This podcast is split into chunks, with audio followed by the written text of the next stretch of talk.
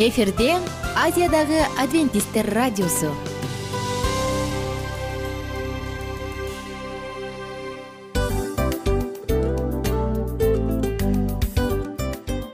Достор салют.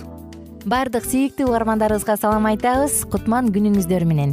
Ден соолук өмүрдүн булагы демекчи саламат саамы программасында баарыңыздарды көргөнүбүзгө абдан кубанычтабыз. Анда алгач амандашып өтөлү арбаңыздар деп. Ден соолугуңуздар кандай элибизде көбүнчө ден соолук кандай дегенде эле жакшы деп жооп беребиз э? ооруп турсак дагы жакшы дейбиз. Анан мен муну айтып ойлойт элем бул абдан сонун сөз депчи анткени бул жакшы деген үмүт да э ооба баары жакшы болот баары сонун.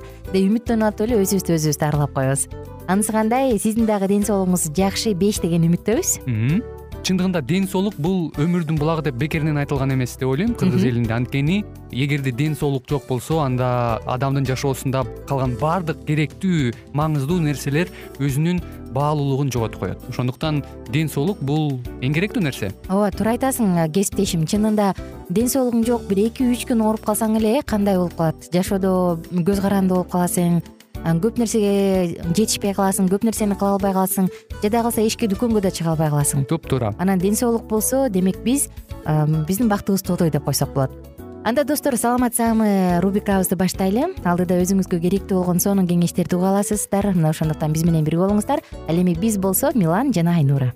Кеттик алга. Алга саламат саама ден соолуктун жарчысы. Саламат саама ден соолуктун ачкычы. Күн сайын сиз үчүн мыкты кеңештер сонун жаңылыктар кызыктуу фактылар биздин рубрикада.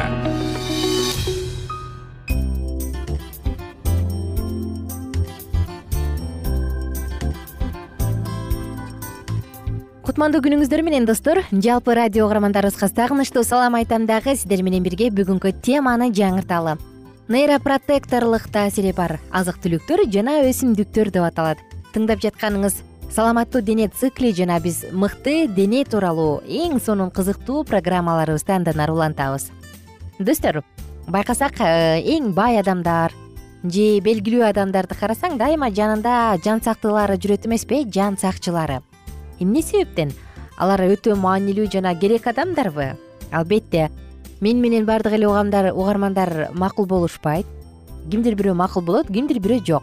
Албетте бул жөн гана мисал дейчи бирок айтайын дегеним биздин мээбизге дагы дал ушундай охрана же болбосо кайтаруучулар жан сакчылар керек. Алар нейрондорго керек. Анткени нейрондор чындыгында биздин эң маанилүү клеткаларыбыз. Алар организмдин жалпысы үчүн абдан керек. Эми дал ушул нейрондорду кантип керектүү түрдө коргой алабыз? Оор деле эмес болгону гана күнүгө ар кандай түстөгү жашылча жемиштерди мөмөлөрдү кичинекей гранат анар деп коет эмеспизби. Жүзүм жана башка азык түлүктөрдү жеңиздер. Анткени кара карагат мурункуда айтылгандай алча булардын баардыгы тең флавоноидтердин эң сонун булагы. Аларда кычкылдантууга каршы эң мыкты таасир бар флавоноид деген эмне? Эми болсо бул тууралуу алдыда кененирээк айтып беребиз. Биз менен бирге болуңуздар. Флавоноиддер гүлдөрдө жана мөмөлөрдө бар. Аларды саргыч кызгылт сыя көк түстөргө боеп турган табигый боегучтардын бир түрү. Э, бир нече өтө көп болбосо дагы бир аз өлчөмдө алар жалбырактарда жана уруктарда кездешет. Акыркы учурларга чейин флавоноиддер бул жөн гана ушул өсүмдүктөрдү боейт алар бизге жана курт кумурскаларга болгону гана мындай кызыктыруучу өңдөрдү берип турат деп эсептеп келишкен. Бирок акыркы он жылдар аралыгында ондогон жүздөгөн илимий изилдөөлөр алардын айыктыруучу мыкты дагы каражаттарын айтырган. Көрсө флавоноиддер булар антиоксиданттык заттар алар сезгенүүгө суук тийүүгө каршы жана рак шишиктерине каршы эң сонун элементтер экен. Достор эмне дейбиз ошондуктан биздин көзүбүздү гана кубантпаган бирок биздин аппетит табитибизди дагы кубанткан дал ушул мөмө жемиштер көбүрөөк болсун. Эми болсо достор флавоноиддер жөн гана өң түс бербестен алар нейропротекторлордун дагы ролун ойнойт. Нейропротектор эмне экенин биз мурунку уктурууда айтканбыз. Дагы бир жолу кайталасак алар нейрондордун жан сактагычтары. Көрсө достор канчалык кычкылданууга каршы турган азыктар бар болсо канчалык азык зат алмашуу интенсивдүү боло турган болсо канчалык эркин радикалдардан коргой турган болсо биздин мээбизге ошончолук пайдалуу. Эмне жейбиз? деген суроо туулат да эми эмне жейбиз? Эң эле биринчи айта турганыбыз бул анар гранат деп келет эмеспизби анар бул бирден бир мөмө жемиш флавоноидтерге бай антиоксиданттык полифенолго бай келген жана биздин эркин радикалдардан бизди коргой турган эң сонун мөмө акыркы учурга чейин анар жөн гана жүрөктү коргойт. Рак ооруларын алдын алат деп келишкен. Бирок лома линда университетинин окумуштуулары айткандай көрсөк анар бир гана жогоркуда эмес ал нейропротекторлук дагы сонун касиетке ээ эмне себептен достор? Эң эле биринчи кезекте? Ал биздин бир нерсе таанып билүү жөндөмүбүздү көбөйтөт. Экинчиден анда бета ама амилоид уулуу каршы же болбосо уулуу заттын төмөндөтүүчү сонун нерселер бар. Булардын баардыгы чоңое турган болсо альцгеймер оорусуна чалдыктырат.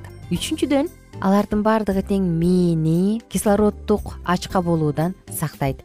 Өзгөчө бала төрөлүп жатканда аба жетпей калыптыр дем жетпей калыптыр кыстыгып калыптыр деп коет эмеспизби? Убагында маани берилбегени менен алардын баардыгы кийин неврологиялык коркунучтуу ар кандай ооруларга алып келет? Мына ошол учурда дагы дал ушул анар жакшы эгерде адам апа мамасы төрөөрдүн алдында үч ай мурун дайыма гранаттын анардын согун ичип кое турган болсо анда баланын мээси кислороддук ачкалыкка жолтуш тукпайт андан сырткары достор биз дагы эмнени айтабыз? Жүзүмдүн ичиндеги данектер. Ооба жүзүмдүн данектери. Өзгөчө кызыл жана кара сортунда кээ бир адамдар жүзүмдүн сыртын жеп туруп э, ичинин ортосунда былжырын жеп туруп анан косточкаларын же болбосо данектерин түкүрүп салат эмеспи? Аны кошо жеңиз анткени дал ошол нерсе антиоксиданттарды көбөйтөт алар болсо мээнин дегенерациясынан стресс жана карылыкка алып келген дегенерациядан сактайт. Жүзүмдүн экстракты нейрондордун баардыгын тең коргойт жана аларды жашартат. Караңызчы кандай гана керемет. Демек колуңуздан келсе жүзүмдү сөөгү менен ичиндеги данеги менен кошо жеңиз. Эгерде аны сырты менен кошо жей турган болсоңуз анда бул дагы жакшы. Анткени алар бир гана гана нейрондорду сактабастан аларды мээни жетиштүү түрдө кан менен дагы камсыздап келет. Достор нейропротекторлор биздин нейрондордун жанын сактагычы. Ошондуктан колдон келишинче шпинат бул ит мурун деп коебуз кара моюл жеңиз анткени булар мээнин бузулган жерлерин кайрадан калыбына алып келет. Жакынкы изилдөөлөрдүн биринде жаңы термин пайда болгон. Бул е витамининин бир түрү. Тагыраак айтканда токотренол деп аталат. Дал ушул токотренол азыркы учурда эң маанилүү экенин биле баштадык. Кайсы азыктарда көп десеңиз токотренол жетиштүү болуш үчүн пальма майын бир аз болсо дагы колдонуп туруңуз кокосту көбүрөөк жеңиз анткени булардын баардыгы токотренолдорго бай. Күрүч буудай арпа сулуу булардын баардыгында токотренолдун түрү абдан көп. Мына ошондуктан колдон келишинче дан азыктарын дагы тамагыңызга кошуп жеп коюңуз. Күнүнө жок дегенде элүү граммдан эки жүз миллиграммга чейин жеген сунушталат токотренолду колуңуздан келсе эртең мененки тамакка жеп жеңиз. Жана дагы бир кызыктуу өсүмдүк бул соя сояны дагы мээни жакшы иштетерин изилдешкен. Достор айта турган болсок э, маалымат өтө эле көп бирок тилекке каршы убактыбыз өтө аз калды. Ошондуктан жалпыңыздар менен убактылуу гана коштошобуз. Кийинки сиздин саламаттыгыңызга кам көргөн уктуруулардан кайрадан амандашканча сак саламатта туруңуздар. Күнүңүздөр мыкты маанайда улана берсин саламат саама ден соолуктун жарчысы. Саламат саама ден соолуктун ачкычы. Күн сайын сиз үчүн мыкты кеңештер сонун жаңылыктар кызыктуу фактылар биздин рубрикада. Салют замандаштар баарыңыздарга ысык салам. Дил маек программабызга кош келиңиздер. Дил маек рубрикасы дегенде эле бул эмне болгон дил маек? Ким менен маектешебиз деп сурайт болуш керек угармандарыбыз бул рубриканы кыскача тааныштыра кете турган болсок ар тарап кесип ээлеринен болгон сонун интервью кеңештер бар. Ооба. Жылдыздар менен болгон маек бар. Аталарыбыздын агаларыбыздын чоң аталарыбыздан сонун кеңештер бар. Ошондой эле эже сиңдилердин кеңештери бар айтор. Баардык кызыктардын баары алдыда. Негизи эле адам баласы бир кимдир бирөөнө ишенип сырын ачкысы келет эмеспи э мындай баарлашууга жакын келебиз го? Албетте. Негизи бир жерге отуруп алып кенен шашпай баягы жүрөктөн жүрөккө ачып сырларыбызды ар кандай көйгөйлөрүбүз менен бөлүшүп баягы чын жүрөктөн маек курганды кимибиз сүйбөйбүз э? Ооба десең ал нерсеге суусап да келебиз да? Ооба кээ бирде адамга чындыгында баягы э, ысык маек баягы жылуу маек жетишпейт да. Ошондуктан биз ушул рубриканы ойлоп тапканыбызда эң биринчи эле достор сиздер менен чын жүрөктөн бир маңыздуу темаларды козгоп кеткени э, кааладык. Ошондуктан ушундай сонун бир рубриканы тартуулап жатабыз. Анын үстүнө радио дагы сонун дос да анткени э, мындай учурда досуңа айтсаң досуң досуна айтат досу досуна айтат да анан бүт өлкө билип калышы мүмкүн го. А радио болсо сени сатпаган сенин айыбыңды ачпаган. Сенин сырыңды эч кимге айтпаган сонун дос ошондуктан биздин алдыдагы айта турган кеңештерибизди биздин досторубуздун кеңештерин угуп анан ал жака пикириңизди дагы калтырып кайрадан биз менен байланышсаңыздар болот. Деги эле жашооңузга эгерде кичине болсо дагы өзгөрүү алып моралдык жактан нравовик жактан сонун бир кеңештерди алсаңыз демек биз максатыбызга жеттик. Ооба. Чыңгыз атабыз улуу жазуучу э, чыңгыз айтматов айткандай адам болуу бул күнүмдүк процесс экен. Күн сайын адам бойдон калуу бул адамзатка эң эле кыйын дейт э? э эң кыйын дейт. Чындыгында бунун негизинде адамдын эң баягы сапаттуулугу адамдын э, адамгерчилиги жана көптөгөн керектүү нерселер. Мына ошол темалар дагы бизде э, ушул дил маекте биз аларды да козгойбуз. Ден соолук жөнүндө да сүйлөшөбүз. Сөзсүз түрдө анан милан мырза негизи айтып коюшат го. Биз көбүнчө эмнени ойлонсок? Ошол нерсеге карата иш кылабыз го. Ооба. Анан анысы кандай? Балким бул радио баракчада кимдир бирөөнүн оюн текшергенге жардам берет кимдир бирөөнүн жүрөгүн текшергенге жардам берет.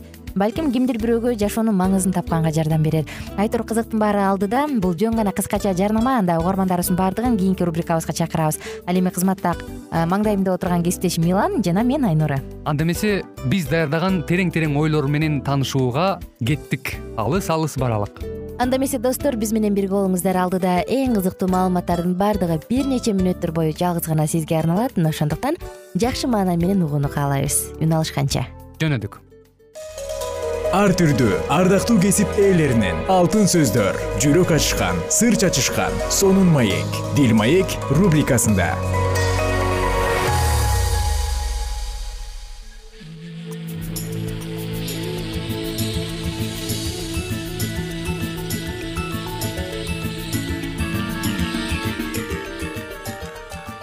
саламатсыздарбы кымбаттуу радио угармандарыбыз? Кайрадан эле сиздердин назарыңыздарда кыргызстанга саякат аттуу берүүбүздө кездешип жатканыбызга өтө кубанычтабыз. Кыргыздын улуттук баш кийимин эзелтеден ата бабаларыбыз аздектеп келген. Андыктан бүгүнкү берүүбүз дагы дал ушул жаатта болмокчу. Биздин толкундан алыстабай биз менен биргеликте болуңуздар. Кыргыздын улуттук баш кийимдери. Кыргыздар колуна калем алып жазган эмес дешип кат сабаты ачылбаган катары далилдеп келишүүдө. Ушул сөздү укканда ата бабаларыбыз үчүн кадимкидей уялып кетчүбүз. Көрсө бул туура эмес чындыкка кошпогон көз караш экен. Алар жазышыптыр. Болгондо да өздөрүнүн жашоо турмушуна ылайык. Көчмөн цивилизациясынын духун чагылдырып турган касиеттеги жазууну пайдаланышыптыр. Албетте ал жазуулар кагазга түшкөн эмес. Бирок ал жазуулар кыргыздын туш кийиздерине шырдактарына боз үйдөгү оюуларда кийген кийимдердеги оюм чийимдерге берилип ошол оюуларды окуу аркылуу кыргыздар бирин бири түшүнүп сырттан пикир алышып келишкендигин көрөбүз. Тактап айтканда кыргыздар өзүнө керектүү жазууну өзү менен кошо дайыма көтөрүп жүрүшкөн. Ал жазуулар азыркы биздин жазуулардай жөн салдуу сөздөр гана болбостон өтө терең мааниге ээ болуп келген. Өзгөчө көтөрүп жүргөн адамдын коомдогу ордун аныктап берүүчү анын паспорту да болуп саналгандыгынын ал сөздөрдү талдай келгенде билебиз. Кыргыздын улуттук жүзүн маданий турмушунун көркөм өнөрүнүн ажарын ачып турган кыргыз оюуларынын кыргыздын кыз келиндери жөн эле колу жону боштугунан эмес анда чагылып турган маани. Башкаларга дал ошол маанисине жетип туруу үчүн талбай катуу киришкенин байкайбыз. Мисалга кыргыз калпагы. Бир жагында жөн гана жашоо тиричиликке ылайыктуу ысыкта күндөн сактаган суукта ызгаардан коргогон.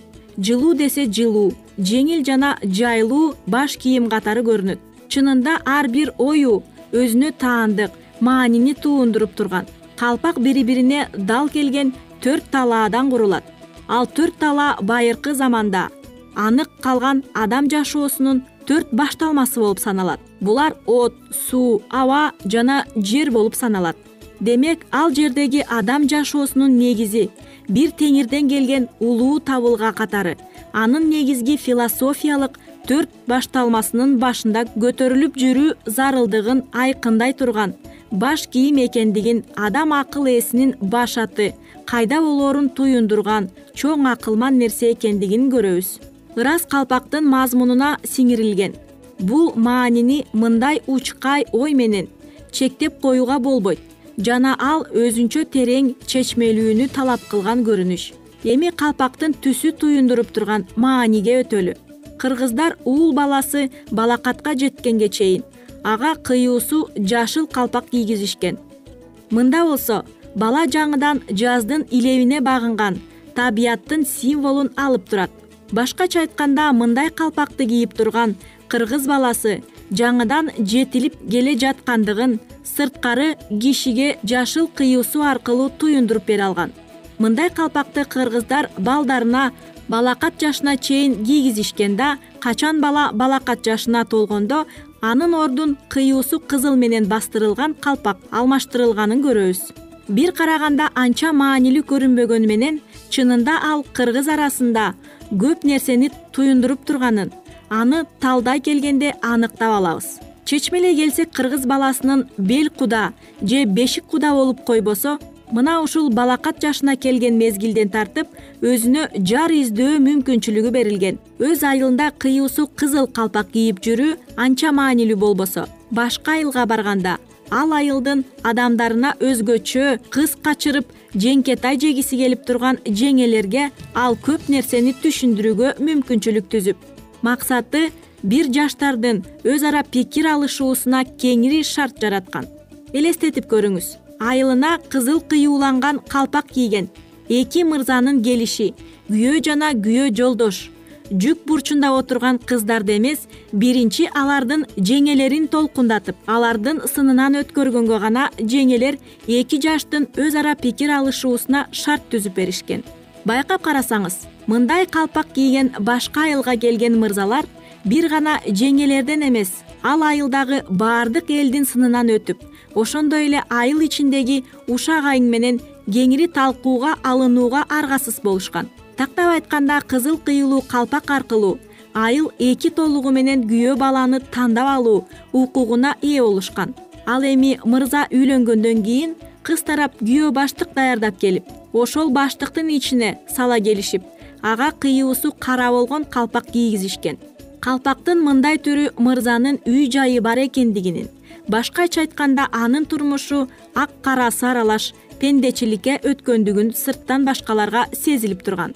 Алган айылы каза болуп калса жана коомдогу абал өзгөрбөсө мына ушул калпакты ал өмүрүнүн аягына чейин кийип өткөн. Эгер кокусунан алган аялы каза болуп жесир калса анын жылдыгы өтүп кайын журту макулдугун берген соң эгер балдары жаш болсо ал ошол калпакты кийип өзүнө экинчи жубай издеген. Ал эми балдары чоңоюп эр жетип калган болсо алар аталарына өздөрү айтып атасын үйлөндүрүүгө тийиш болгон. Мындай жесир калган адамдын туюндуруп турган калпактын төрт талаасы кара менен бастырылган же карак кийизден жасалган калпак болгон. Азыркы шартта калпактардын мындай маанисин көпчүлүк элдин эсине сакталып калбагандыктан аялынын бар же жок экендигине карабастан жөн гана жараштырып кийип жүрүшөт. Адамда социалдык турмуш дайыма эле бир калыпта боло бербейт эмеспи эгер ал адамдын өз айылынын алдында же өз уруусунун ичинде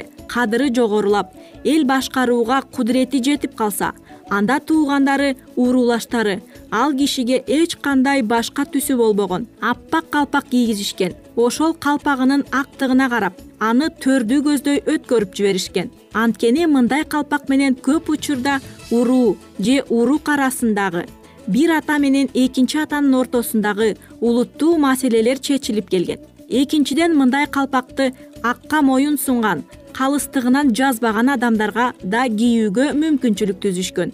Бүгүнкү уктуруубузга кулак төшөгөнүңүздөр үчүн ыраазычылык билгизебиз. Эмки уктуруудан кайрадан эле биз сиздер менен дал ушул аба толкундан үн алышканча сак саламатта болуңуз ар түрдүү ардактуу кесип ээлеринен. Алтын сөздөр жүрөк ачышкан сыр чачышкан сонун маек. Бил маек рубрикасында.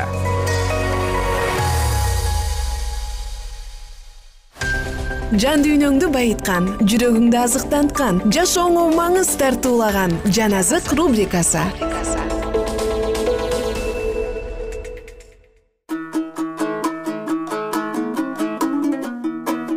Күнүңүздөр менен достор баардык угармандарыбызга ысык салам. Айтабыз жана сиздер менен бирге улуу күрөш китебин улантабыз биз менен бирге болуңуздар. Отуз үчүнчү бап. Алгачкы улуу азгырык. Адам тарыхынын баштапкы таңында шайтан биздин биринчи ата энебизди азгырууга аракет кылат.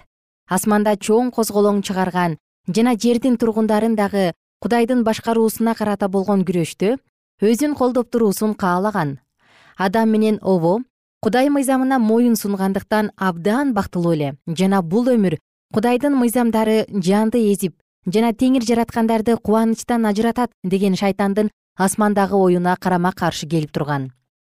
Андан тышкары адилеттүү жубайларга кандай жай даярдалдыгын көргөндө анын ичинде көрө албастык күч алды.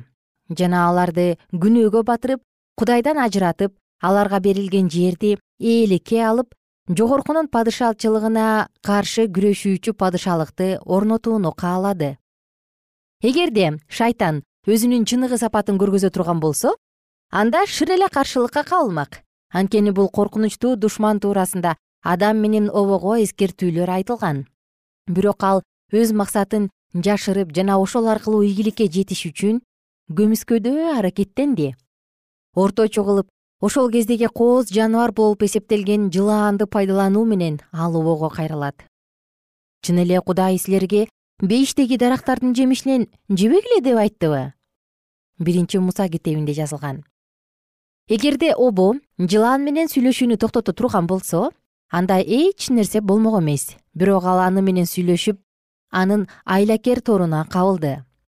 Жана азыр дагы көпчүлүк адамдар ушундайча ага жеңилип берүүдө алар кудайдын мыйзамдарын күмөн санашат талашып тартышат. Кудайдын эркине баш ийүүнүн ордуна алар шайтандын ойлоп тапкандары болуп эсептелген адамдардын теорияларына ишенишет. Аял жылаанга айтты.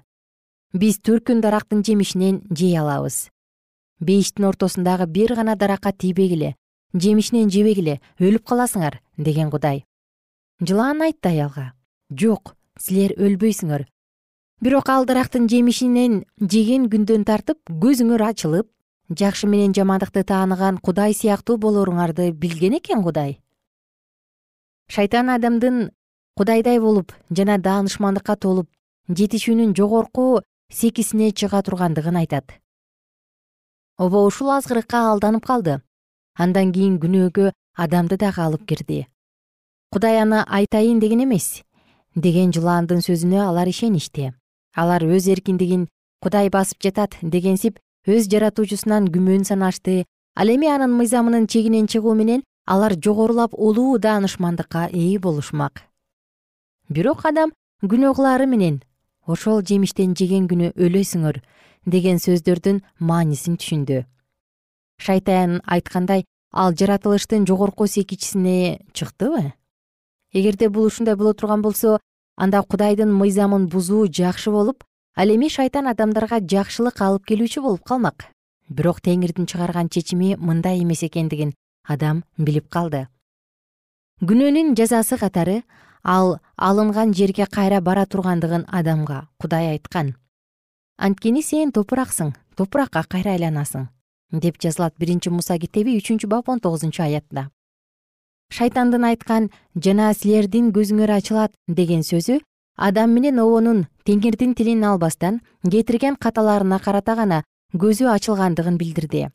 Алар жамандыкты таанышып жана тил албастыктын ачуу жемиштерин тартышкан. Эдем багында жемиши өмүрдү түбөлүктүү узарта турган өмүр дарагы өскөн. Эгерде адам кудайга ишенимдүү бойдон кала турган болсо анда ал өмүр дарагына баруу мүмкүнчүлүк алып түбөлүктүү жашай бермек бирок ал күнөө кылуу менен бул мүмкүндүктөн ажыратылды жана өлө турган болуп калды.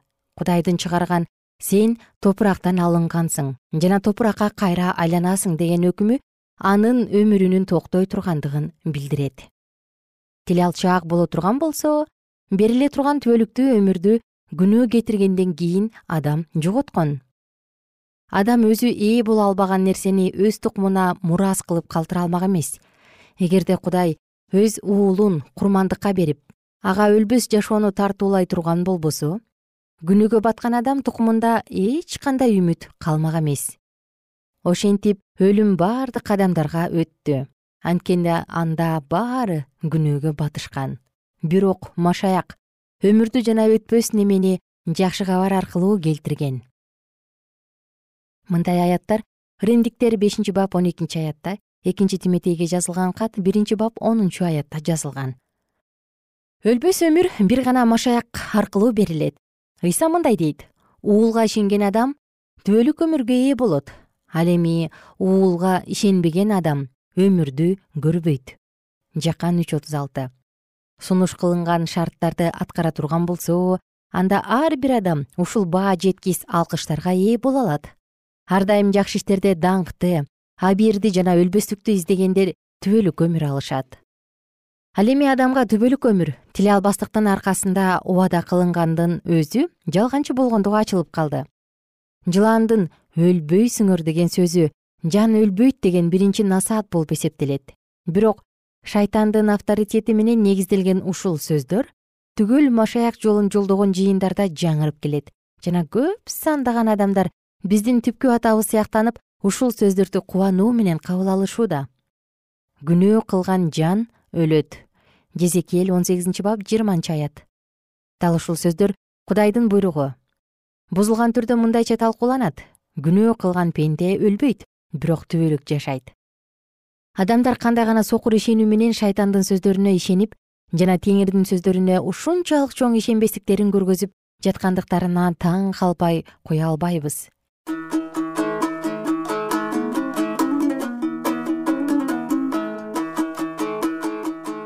достор уктуруубузду дал ушул кызыктуу жерден уланталы кийинки уктурууда дагы маанилүү эң сонун сөздөрдүн үстүнөн ой жүгүртүп окуйбуз. Мына ошондуктан биз менен бирге болуңуздар.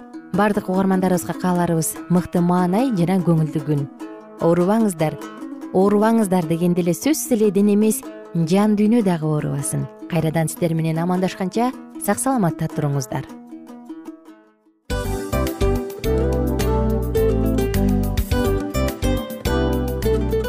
ушул менен достор программабыздын уктуруубуздун эң кайгылуу мөөнөтүнө келип жеттик. Кайгылуу дегенде ыйлагым келип кетти кесиптеш. Кадимкидей. Анткени баягы учурашасың анан коштошуу учур келгенде ии кантип ии эми бат баттан келиптир э сагындырбай деп атып араң коштошобуз го анысы кандай угармандарыбыз менен коштошчу учур келди кийинки уктурууларды сагыныч менен жүрөгүбүздө кусалык менен күтөбүз жалпыңыздарды анан жарым сааттык уктуруу көз ачыш йумканча өтүп кетти сөзсүз.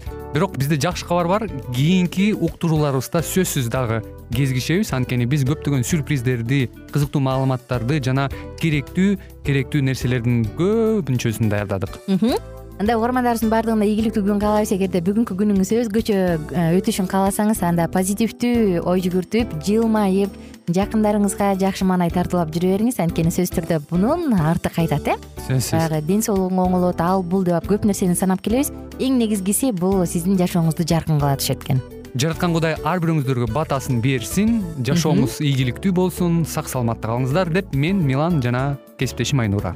Баардыгыңыздар менен кийинки уктурууда үн алышканча баарыңыздарга ийгилик каалайбыз